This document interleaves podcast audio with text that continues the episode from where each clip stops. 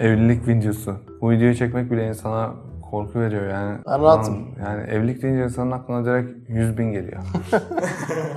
100 bin evlilik banktan... Ya hiç alakası yok aslında. Yani evliliğin parayla bir alakası yok. Nasıl yok ya?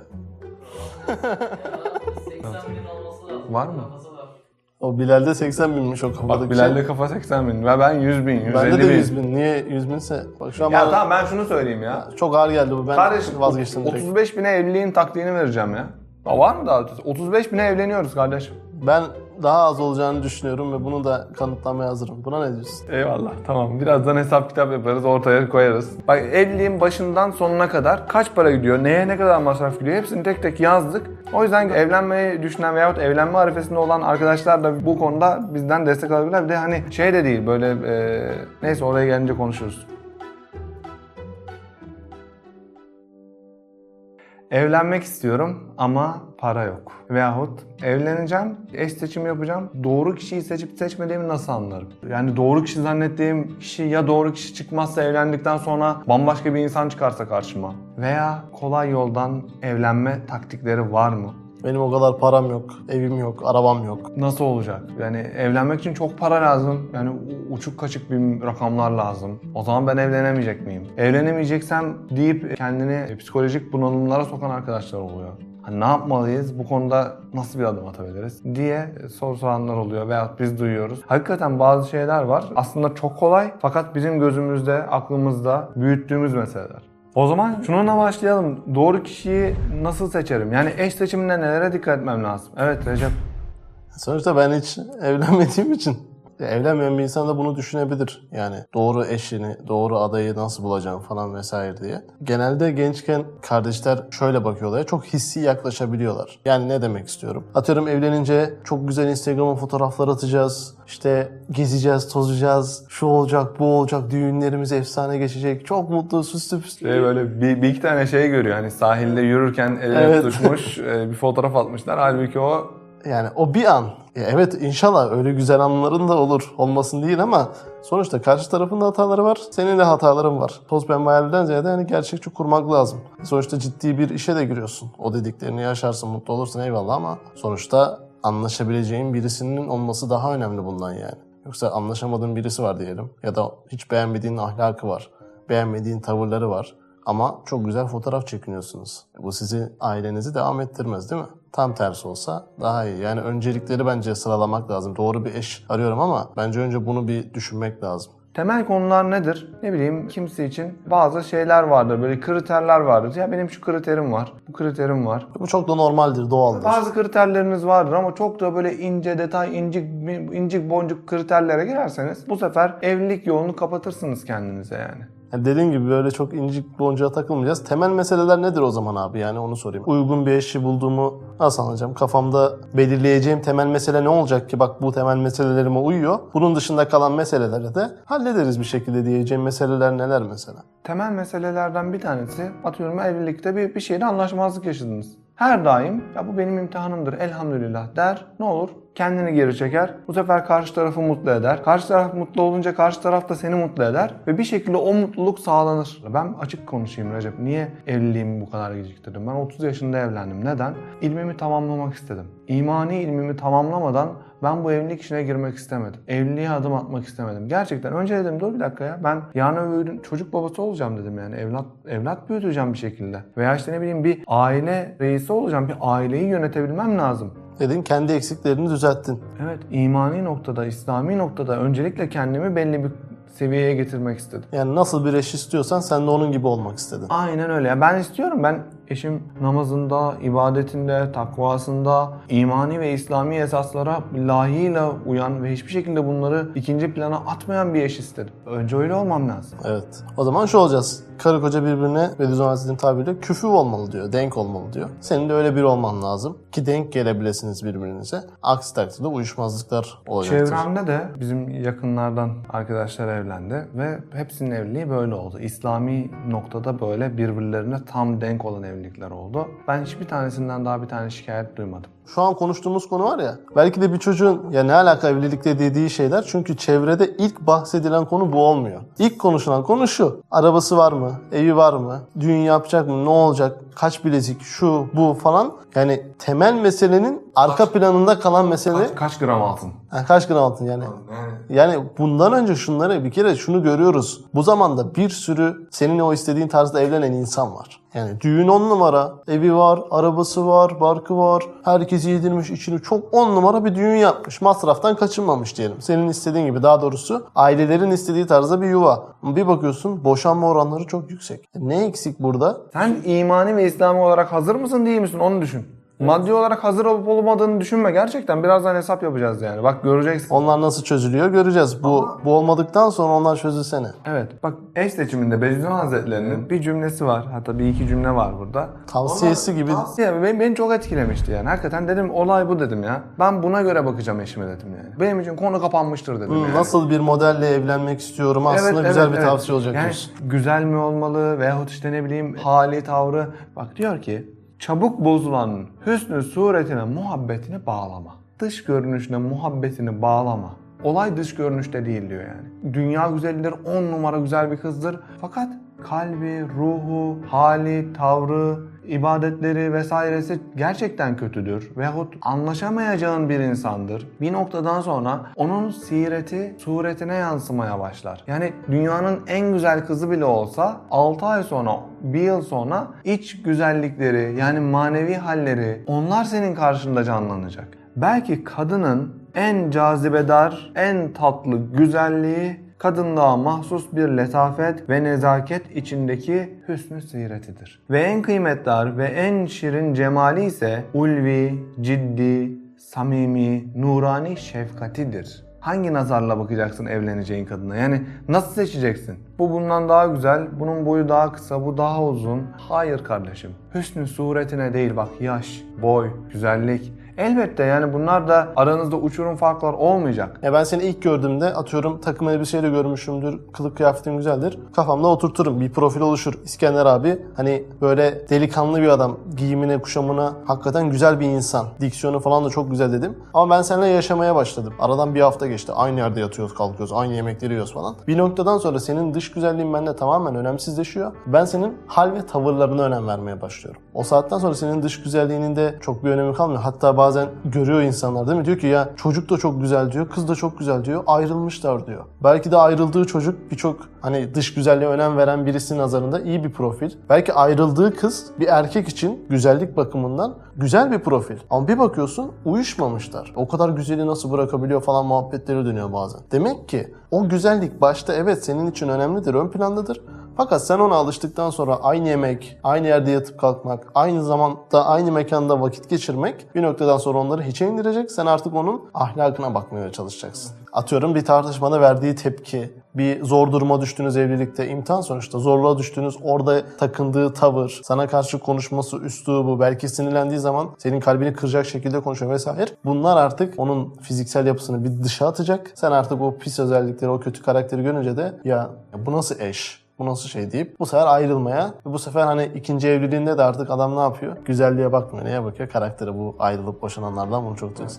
Hani kalbi temiz olsun, kalbi güzel olsun, fiziksel yapısı geçiyor. Bunu çok duydum ben yani. Hatta aileler çocuklara nasihat verirken yaparlar bunu. Bunun dışında evleneceğiniz kişinin yakın arkadaşlarına veya çevresine mutlaka ve mutlaka o kişi hakkında sorular sor. O kişi hakkında bilgiler alın. Yani ya zaten girip de Facebook'ta, Twitter'da, sağda solda, Instagram'da bir eş adayı bulursan zaten kusura bakma. O direkt hüsnü suret. O zaten sosyal medyadan evlilik hani inanılmaz potansiyel birisi. Adam yazıyor işte ayet, hadis, Kur'an, sünnet, takva, maneviyat falan ama hayatında haramlar var. Yani sen bir bakıyorsun ya ne kadar işte dindar birisi bir miting oluyor bir şey oluyor Allahu Ekber diye bağırıyor adam namaz kılmıyor. Yani namazı terk etmiş. Yani yakın çevresi zaten e, bir aracılığıyla elbet görüşeceksiniz. Aracı olan kişiden şunu talep edersiniz. Yani bir arkadaşına veyahut bir tanıdığına onun hakkında ben şu soruları sormak istiyorum ve cevabını almak istiyorum diye birkaç tane soru mutlaka yakın çevresine, arkadaşlarına mutlaka sorun. Var mı örnek bir soru abi mesela kişi belki o an hatırlamaz ama şunu mutlaka sorun dediğim bir soru. Ya mesela benim hakkımda sana sormuşlardı hatırlıyor musun? İyi veya kötü özelliklerini söyler misin? demişlerdi. Sen de böyle bayağı bir Yazmıştım. Bana- evet. E, hatırladım biraz evet. Yani böyle hakkaniyetli bir tanıdığı varsa ona sormanız daha güzel olur. Ama bir problem olmamıştı yani. Kötü özelliklerim de var. Her insanın var abi yani. Bu işin şeyi yok ki. Mesele zaten onu büyütmemek. Yani ciddi boyutta bir kötü özellik mi? Atıyorum. Yani mesela sakız cakcak çiğniyor bu kötü özellik kategorisine girmez yani. Dediğim gibi çok da detay girme. Temel meselelerde bir problem var mı? Aynen öyle. Şimdi gelelim. Ee, tamam abi biz biriyle anlaştık. Her şeyimiz tamam. Değiliz biz. Ee, dengesiz. Peki abi hani para olayını nasıl yapacağız? Evlilik az buz bir para değil. 100 bin diyenler var. Evliliğin gayesine tamamen zıt şeyler. Yani evlenince mutlu olacaksın ama öyle bir konuşuyor ki çevren sanki aman tamam yapmayayım ya. Sana, sana çok ciddi söylüyorum. Ya ben evlenme niyetine girdim dedikten sonra ehli iman olan arkadaşlarım bana şunu soruyor. Ya hani hazır hissediyor musun kendini? Hani İslami olarak, imani olarak. Evet dedim problem yok. Ama maalesef şu tarzda sorular soran çok fazla oldu. Kaç param var? Ulan evlenme niyetine girmişim. Yani nasıl yapacaksın? Ee, araban var mı? Ev? Hani bulaşık makinesi? Buzdolabı? halı, halı nasıl yapacaksın? Yerde mi yatacaksın? Ne yiyeceksiniz? Duvarları mı yiyeceksiniz? Ciddi var mı böyle? Var lan var var. Duvarları yiyecek. Duvarları mı yiyeceksiniz diyen soran var. Sinirlerini fark zaman Darlandım vallahi lan. var diyor.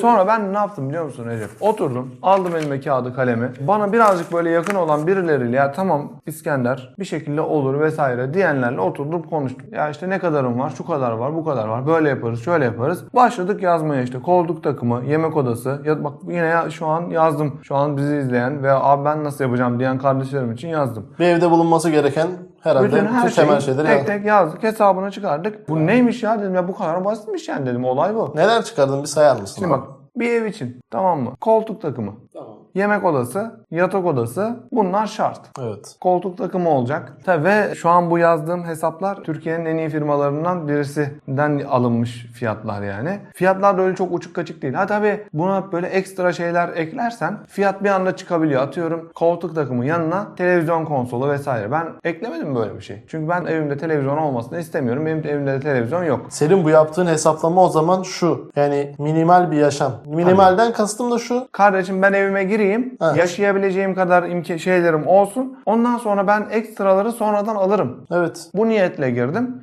Ama bu konuda şöyle bir şey var. Gerçekten de eşimin anne ve babası bu konuda bana böyle hani hakikaten çok güzel destek oldular. Yani Allah bin kere razı olsun. Hani ya şu niye eksik bir kere olsun demediler. Sadece annesi babası şuna çok böyle dikkat etti. Bu çocuk gerçekten ahlaklı bir çocuk mu? Bu çocuk benim kızımı üzer mi? Bak bunun dışında hiçbir şekilde Allah Allah razı olsun. Onu düşünen bana insanlar var. bana şey yapmadılar yani. Maddi konuları nasıl yapacaksın? Şunu olacak. Bunu yapabil bu konulara girmediler. Ama öbür konuda beni didik didik ettiler böyle. Çok böyle dikkatli baktılar ki yapmaları da gerekiyordu yani. Şunu diyen aileler var. "Ya Biz de ona dikkat ediyoruz canım diyenler olacaktır. Ama buna ikinci, üçüncü planda dikkat ediliyor. Yani temel Ya bu olarak çocuk namaz kılıyor mu? İmanı yerinde mi? İslami şeylere uygun bir çocuk mu? ahlakı nasıl? Bunlar çok önemli şeyler. Çünkü Kur'an okur, namaz kılar ama Kur'an ahlakını yaşamaz. Problem olur. ne bileyim çok cimridir, şeydir böyle veya farklı huyları, halleri vardır. Bize şunu sordular hani yani var mı ihtiyaç? Biz yapalım gerekirse gibilerinden belki. O tarz bir soru geldi. Ama biz ondan dolayı değil hani televizyonla alakalı işimiz yok dedik. O yüzden almıyoruz dedik. Çıkardım. Veya yemek odası. Yemek odasında bir tane masa, 6 tane de sandalye aldık. Bunun dışında bir şey Otur almadık. zaten yemek masası. Ya ekstra bir şey de var. Böyle tabak çanağını vesairenin koyman için kocaman devasa bir konsol oluyor. Arkasında bir ayna oluyor falan böyle süs. Ya eşimle dedim ki yani böyle bir şeye ihtiyacımız var mı? Gerçekten şu an için gerek yok dedi öyle O bir zaman şey. almayalım dedi. Ya ihtiyaç olursa ileride düşünür alırız. Ne acelemiz var dedi yani. Temelimizi halledelim dedik. Çok güzel bir şey bu bence. Yani. Bunu yani e, evleneceğiniz kişiyle bazı şeyleri açık açık konuşmanız lazım. Yani bir dakika dur benim bütçem bu, yapabileceklerim bunlar. Oturup eşiniz olacak kişiyle anlaşmanız lazım. Her konuyu da konuşabilmeniz lazım. Daha sonra onu ailelere taşırsınız. Ya bakın biz böyle yapacağız. Tamam olay biter. Yemek odası dedin, yatak odası dedin. Yatak odası ise yatağı, komodini ve gardırobu üçü içinde. Daha sonra buzdolabı, buzdolabını koydun, çamaşır makineni koydun, ocağını fırınını koydun, Tamam. Bulaşık makineni koydum. Bak hepsinin fiyatlarını tek tek yazdık. Hepsi bu arada A artı artı falan oluyor. Herkesin anlayacağı şekilde söylerim. Bunlar Var. biraz pahalı. Markaları da kaliteleri de iyi kalite. tamam. Kitaplık masa, ekstra bir oda oluyor 2 artı bir bir evde. Bir oda boş kalıyor. O bu odaya da bir kitaplık koyarsın, bir tane de masa koyarsın çalışma masası. Perdeler halı, ütü süpürge, nişan masrafları, nikah masrafları, bir de ev. Kira yani. Evin evet ilk girişte bir kira veriyorsun. Depozito veriyorsun. Daha ne istiyorsun evde? Tabak çanak. Tabak çanak öyle çok fazla bir şey tutmuyor. Onu yazmadım ama bir 12 kişilik almıştım. 300 liraya mı ne almıştım yani. Ya ev onlar da 500 lira olsun yani. Düğünü katmıyorum çünkü ben düğün yapmadım. Düğün yapmayacağımız şekilde konuşmuştuk hatta. Ama ona rağmen yine yüksek bir miktar yazdım. Ha çalgılı çengeli düğün yapacağım diyorsan o zaten İslami bir şey değil. Biz onu zaten konuşmuyoruz. Öyle bir şeyi de kesinlikle tasvip etmiyoruz. Yani düşünsene herkes orada oynuyor, ediyor. Veya düğün yaptığın zaman e, şöyle bir dezavantajın var. İster istemez insanlar o rahat giysilerini, giyimlerini giyip öyle geliyorlar. Saçma sapan sahneler çıkar ortaya diye düşünüyorum ben yani. Maalesef çıkıyor da yani. Ben nikah yaptım. Allah'a şükürler olsun. Gayet güzel oldu. Hepsi içinde 33.400 lira. Bak ev başından sonuna kadar evlendin. Nişanını yaptın, nikahını yaptın, evini, eşyanı, her şeyini tamamladın. 33.400 lira ve bunlar yüksek kaliteli. Ben bunun bir de düşük kalitesini hesapladım. Yani biraz daha kaliteni düşürürsen bu fiyat 28.000'e 29.000'e kadar düşüyor yani. Peki ya ben genç bir çocuk olarak diyeyim temsilen. Yine bana çok geliyor o para. Benim o parayı toparlamam demek Tamam. diyelim evlenme niyetine gidiyor ama ben o parayı toparlayana kadar zaten Birdenbire ben bunu yapamam diyorsan o zaman evlenmiyorsun. bu mudur yani? Ha gene aynı yere geldik. Ama el alem ne der? Ha doğru. onu 33, onu 35 bin olmazsa. El alem ne der? Doğru. Neyle ne yiyeceksin? Duvarlar Tabii öncelikle evlenecek bir insanın, bir adamın evini geçindirebilecek derecede ama asgari ücret bile olsa bir işi olması lazım. E işin varsa zaten evlenmeden önce birazcık dişini sıkarsan 6 ay içerisinde 10 bin lira para biriktirebilirsin. Ya dişini sıkabilirsin. Biraz e, zorlarsın kendini. 10 bin lira para biriktirdikten sonra 6 ayın sonunda evlenme niyetine girebilirsin kardeşim. Ne olur? 10 bin liran var cebinde. Nişanını rahat rahat yaparsın. Zaten nişandan sonra o eşin olacak kişiyi tanıma süresi olacak. O süreçte de para biriktirmeye zaten devam edeceksin ve evlilik yaklaştığı için ister istemez sana destek olanlar olacak ve hani emin ol Allah da yardım ediyor. Yani sen o niyete girmedikçe o kapılar açılmıyor ve açılmayacak yani. Şunu düşünme ya ulan evleneceğiz ama para yok. Sen bir niyetine gir Allah yardım ediyor kardeşim. Ben bunu herkesten duydum ve sana da kesinlikle söylüyorum. Ya bir bismillah de Allah rızası için ben bu evliliğe adım mı atıyorum de Cenab-ı Allah sana o kapıları açacaktır. Hiç ummadığın yerden gelen Yani paralar Recep, daha ben- biliyorum. Ben bu para falan diyorum ama yani benim iş çok daha kolay oldu. O kadar kolay oldu ki yani hiç şey bir şey hesapladığım gibi olmadı. Bazı şeyler hesabımın üstüne çıktı ufak tefek. Fakat bazı şeyler o kadar kolay, o kadar rahat oldu ki ben de anlamadım. Gerçekten anlamadım. Allah öyle bir rahmet ediyor, öyle bir merhamet ediyor ki benim kulum ahir zamanda her şeyi elinin tersiyle itip Allah kerimdir, Rabbim emretmişse ben bu yola giriyorum deyip ben bu adımı atıyorum deyip adımı atmışsa ben de kuluma yardım ediyorum dedi. Ben yani bunu resmen hissettim evlilik sürecimde. Ve size de tavsiyem budur. Ya dediğim gibi 6 ay bir para biriktirirsin o kadar da olur yani onu Görüşme sürecinde de birikir dediğin gibi abi. Ha, görüşme sürecinde de biriktirirsin elinden geldiğince. E tabi burada da şunu da söylemek lazım yani. Evet biz nişanımızı yaptık. E belli bir süre nişanlık evresi geçer. 3 ay olur, 6 ay olur. O süreçte de yavaş yavaş evinin malzemelerini vesairelerini toplamaya başlarsın. Yani bu hesabı birebir tutturacağım diye beklemek zorunda da değilsiniz. Ben sadece şunu diyorum 10 bin lira toplayın ve bismillah deyin girin. Ha şu da var hani altın meselesi var. Düğün meselesi var. Bunları dediğim gibi eş adayınızla konuşup o şekilde çözmeniz lazım. Senin dediğin tarzda evlilik benim gördüğüm kadarıyla bu zamanda yani şu an şunu diyorlar kardeşim ya keşke öyle olsa abi. Ya böyle kızı nereden bulacağım diyor. Böyle aileyi nereden, Nereden bulacağım bulacaksın diyor. öyle kızı? Bir sürü istekleri var, şuyu var, buyu var. Var kardeşim var. Yani o kadar çok hanım kardeşimiz ve erkek kardeşimiz var ki bunu isteyen. Ya ben bir an evvel evlenmek istiyorum. Ya ama e, o kadar çok şey var ki gelenek, görenek şunu gözünüzde büyütmeyin kardeşim. Ben zaten şunu anlamıyorum abi mesela. İki kişi evlenecekse senin ona taraftar ve destek olman gerekmiyor mu? Yani çünkü sen yuva kuran bir de Allah için evlenen birine sen taraftar olursan onların sevaplarından da hisse alırsın. Sen onlara yardım ettin. Allah katında çok hoş bir davranış ama benim gördüğüm şu oluyor. Daha da zorlaştırılıyor olay. Yani şunu da alsın, bunu da alsın. Yardım yok yani şey çocuğu sıkıntıya sokmak ya da kızı sıkıntıya sokmak. Ya evlenecek arkadaşlar kesinlikle bazı şeylerde dobra dobra oturun konuşun. Yani ailesiyle ya benim böyle bir bütçem var ama nişandan sonra bu kadar biriktireceğim. E bir miktarda hani taksitli alırsınız eşyaların bir kısmında gerekirse. İlk aşamaya geçince ben buraların çok problem olacağını düşünmüyorum. O bahsettiğiniz suresi, Evet, evet, evet. Ya mesela sorsa kendi annesine babasına nasıl evlendiniz? Vallahi ne bileyim. Biz evlenirken işte bir perdemiz vardı, bir tane yatağım vardı. Evet, çok Bir duyuyoruz öyle işte şeyler. bir tabağım çanağım vardı. Öyle evlendik. Sonra bir bakıyorsun evi çok güzel Ama kendileri öyle evlendiği için aman benim kızımın şunu da olsun, aman benim kızımın bunu da olsun, aman şöyle aman böyle. Ya kardeşim kusura bakmayın. Hem hanım kardeşlerime hem erkek kardeşlerime Zora söylüyorum. sokmak, Olmasın sokmak. kardeşim. Şu da olmasın, bu da olmasın. Böyle olun. Bu da olmasa olur. Bu şart değil. Şu bu da şart değil. İstemiyorum. Bir de hani dedim ya 35 bin lira. Ya bu paranın tamamı senden çıkmayacak zaten.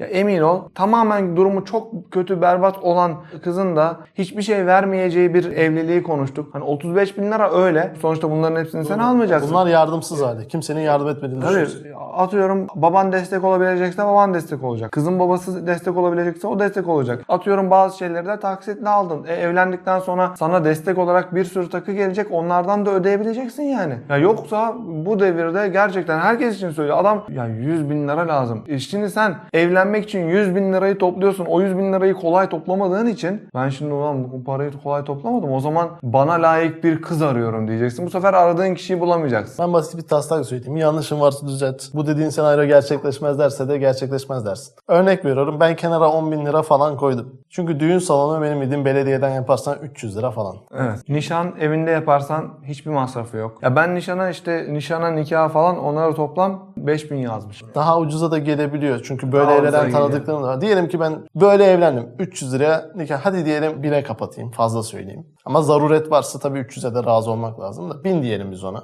Düğünde yapılan şeylerin aynıları gerçekleşiyor. Yani iki kişi orada duruyor. Bütün tanıdıklar, sevdikler o ortamda. Şahit oluyorlar. Sana- evet diyorlar. Sana bir saat süre veriyorlar. Evet. Fotoğraf çekimin oluyor. Takı törenin oluyor. Evet hayır oluyor. Herkes orada oluyor. Evet herkes takısını da takıyor ve dağılıyorlar ve çok güzel bir şey. Şu an cebinde 100 bin lirası olan kaç kişi var? Sokakta kaç kişi böyle bir olabilir? Hı, Zor. Bu ne demek biliyor musun? Seni borca sokacağım demek. Heh, Yani 100 bin liralık bir evlilik hayal ediyorsanız kardeşim eşinizi borca sokacaksınız. Veyahut kredi çekecek, Faiz. faize girecek. Ben o kadar çok görüyorum ki. Ne yapıyor çocuk? Ev eşyalarını alabilmek için kredi çekiyor. E faize girdi. Niye? Kız çünkü şunu da istiyorum, bunu da istiyorum dedi. Ne, kız neden onu dedi peki? Normalde kız kızların birçoğuna sor. Ya ben bir şey istemem der. Ama evlilik yaklaştıkça ablası e, şunu şuyunuz yok mu der. Annesi şu niye yok der. Bilmem kim halasının e, bilmem nesi şu Sen olmadı mı der. karışıyorsun. Yani. Aa, o kadar çok karışan oluyor ki. Kıza Yani, geliyor. Hiç tanımadıkların giriyor devreye. bu sefer kız onların söylediklerinden etkileniyor. Erkek kız niye şöyle yaptı? E kız bak bize geldik de biz e, eve geldik de bize işte ikinci çayımızı koymadı. var mı böyle var şeyler? var oğlum neler neler var ya. Nelerden nelerden evlilikler bozuluyor. Sağa sola bakmayın. Anneler ve babalar gerçekten güzel şeyler, tavsiyeler de verirler. Bunlarda problem yok ama o üçüncü şahıslar işin içine bir girdi mi kardeşim onlardan korkun ve onları mümkün mertebe Genel olarak bence zorlaştıran herkesi bir filtrelemesi lazım. Bu beni zorlaştırıyor. Çünkü evleneceğim ben. Yani bir derdim olmaması lazım. Huzurlu bir yuvaya giriyorum ben. Mutlu olmam lazım. Bir başlıyorum. Kredi, faiz, borç. Onu kapatana kadar full aleminde bu var. Bence şu an evlilik kararı alır millet ha. Evet. Bak şimdi abi. Ne diyorsunuz? Abi sizin söylediklerinizden şunu anladım. Senin mesela isteklerin istek mi yoksa ihtiyaç mı? Eğer istekse 100 bini buluyor, 90 bini buluyor. Keyifse, istekse 100 bin, 90 Evet. bulur. Bulur Ama kardeşim. işte orada istekle ihtiyacın ayrımını yaptıktan sonra senin saydığın liste gibi ortaya o tarz bir rakam çıkıyor. Evet. Ya kabul, kabullenemiyorlar ya. 30 bin liraya, 50 bin liraya evliliğin yapılabileceğini kabullenemiyorlar. Altın meselesine takılıyorlar. Onu da gö- gidip kayınpederinizle veyahut eş adayınızla konuşup bir çözümünü bulmak lazım. Evet. Üstad Hazretleri diyor ki bir mesele daha var. O da çok ehemmiyetlidir. Hükmü Kur'an'a göre, Kur'an'ın hükmüne göre bu zamanda mimsiz medeniyetin icabatından olarak mimsiz medeniyeti kısaca açayım. Mimi çıkarırsan medeniyet değil deniyet kalıyor. Deniyet de aşağılık anlamına geliyor. Şimdi neden öyle bir tabir kullanıyor şu anki medeniyet için? Mimsiz medeniyetin icabatından olarak Hacat-ı zaruriye 4'ten 20'ye çıkmış diyor. Zaruri hacat. Yani olmazsa ölürsün, yaşayamazsın. Bu ihtiyaçlar 4 iken bunu medeniyet 20'ye çıkarmış. tiryakilikle, görenekle ve itiyatla hacat-ı gayrı zaruriye yani aslında zaruri olmayan ihtiyaçlar hacat-ı zaruriye hükmüne geçmiş. Tiryakilik, gelenek, görenek bunlarla. Ahirete iman ettiği halde zaruret var diye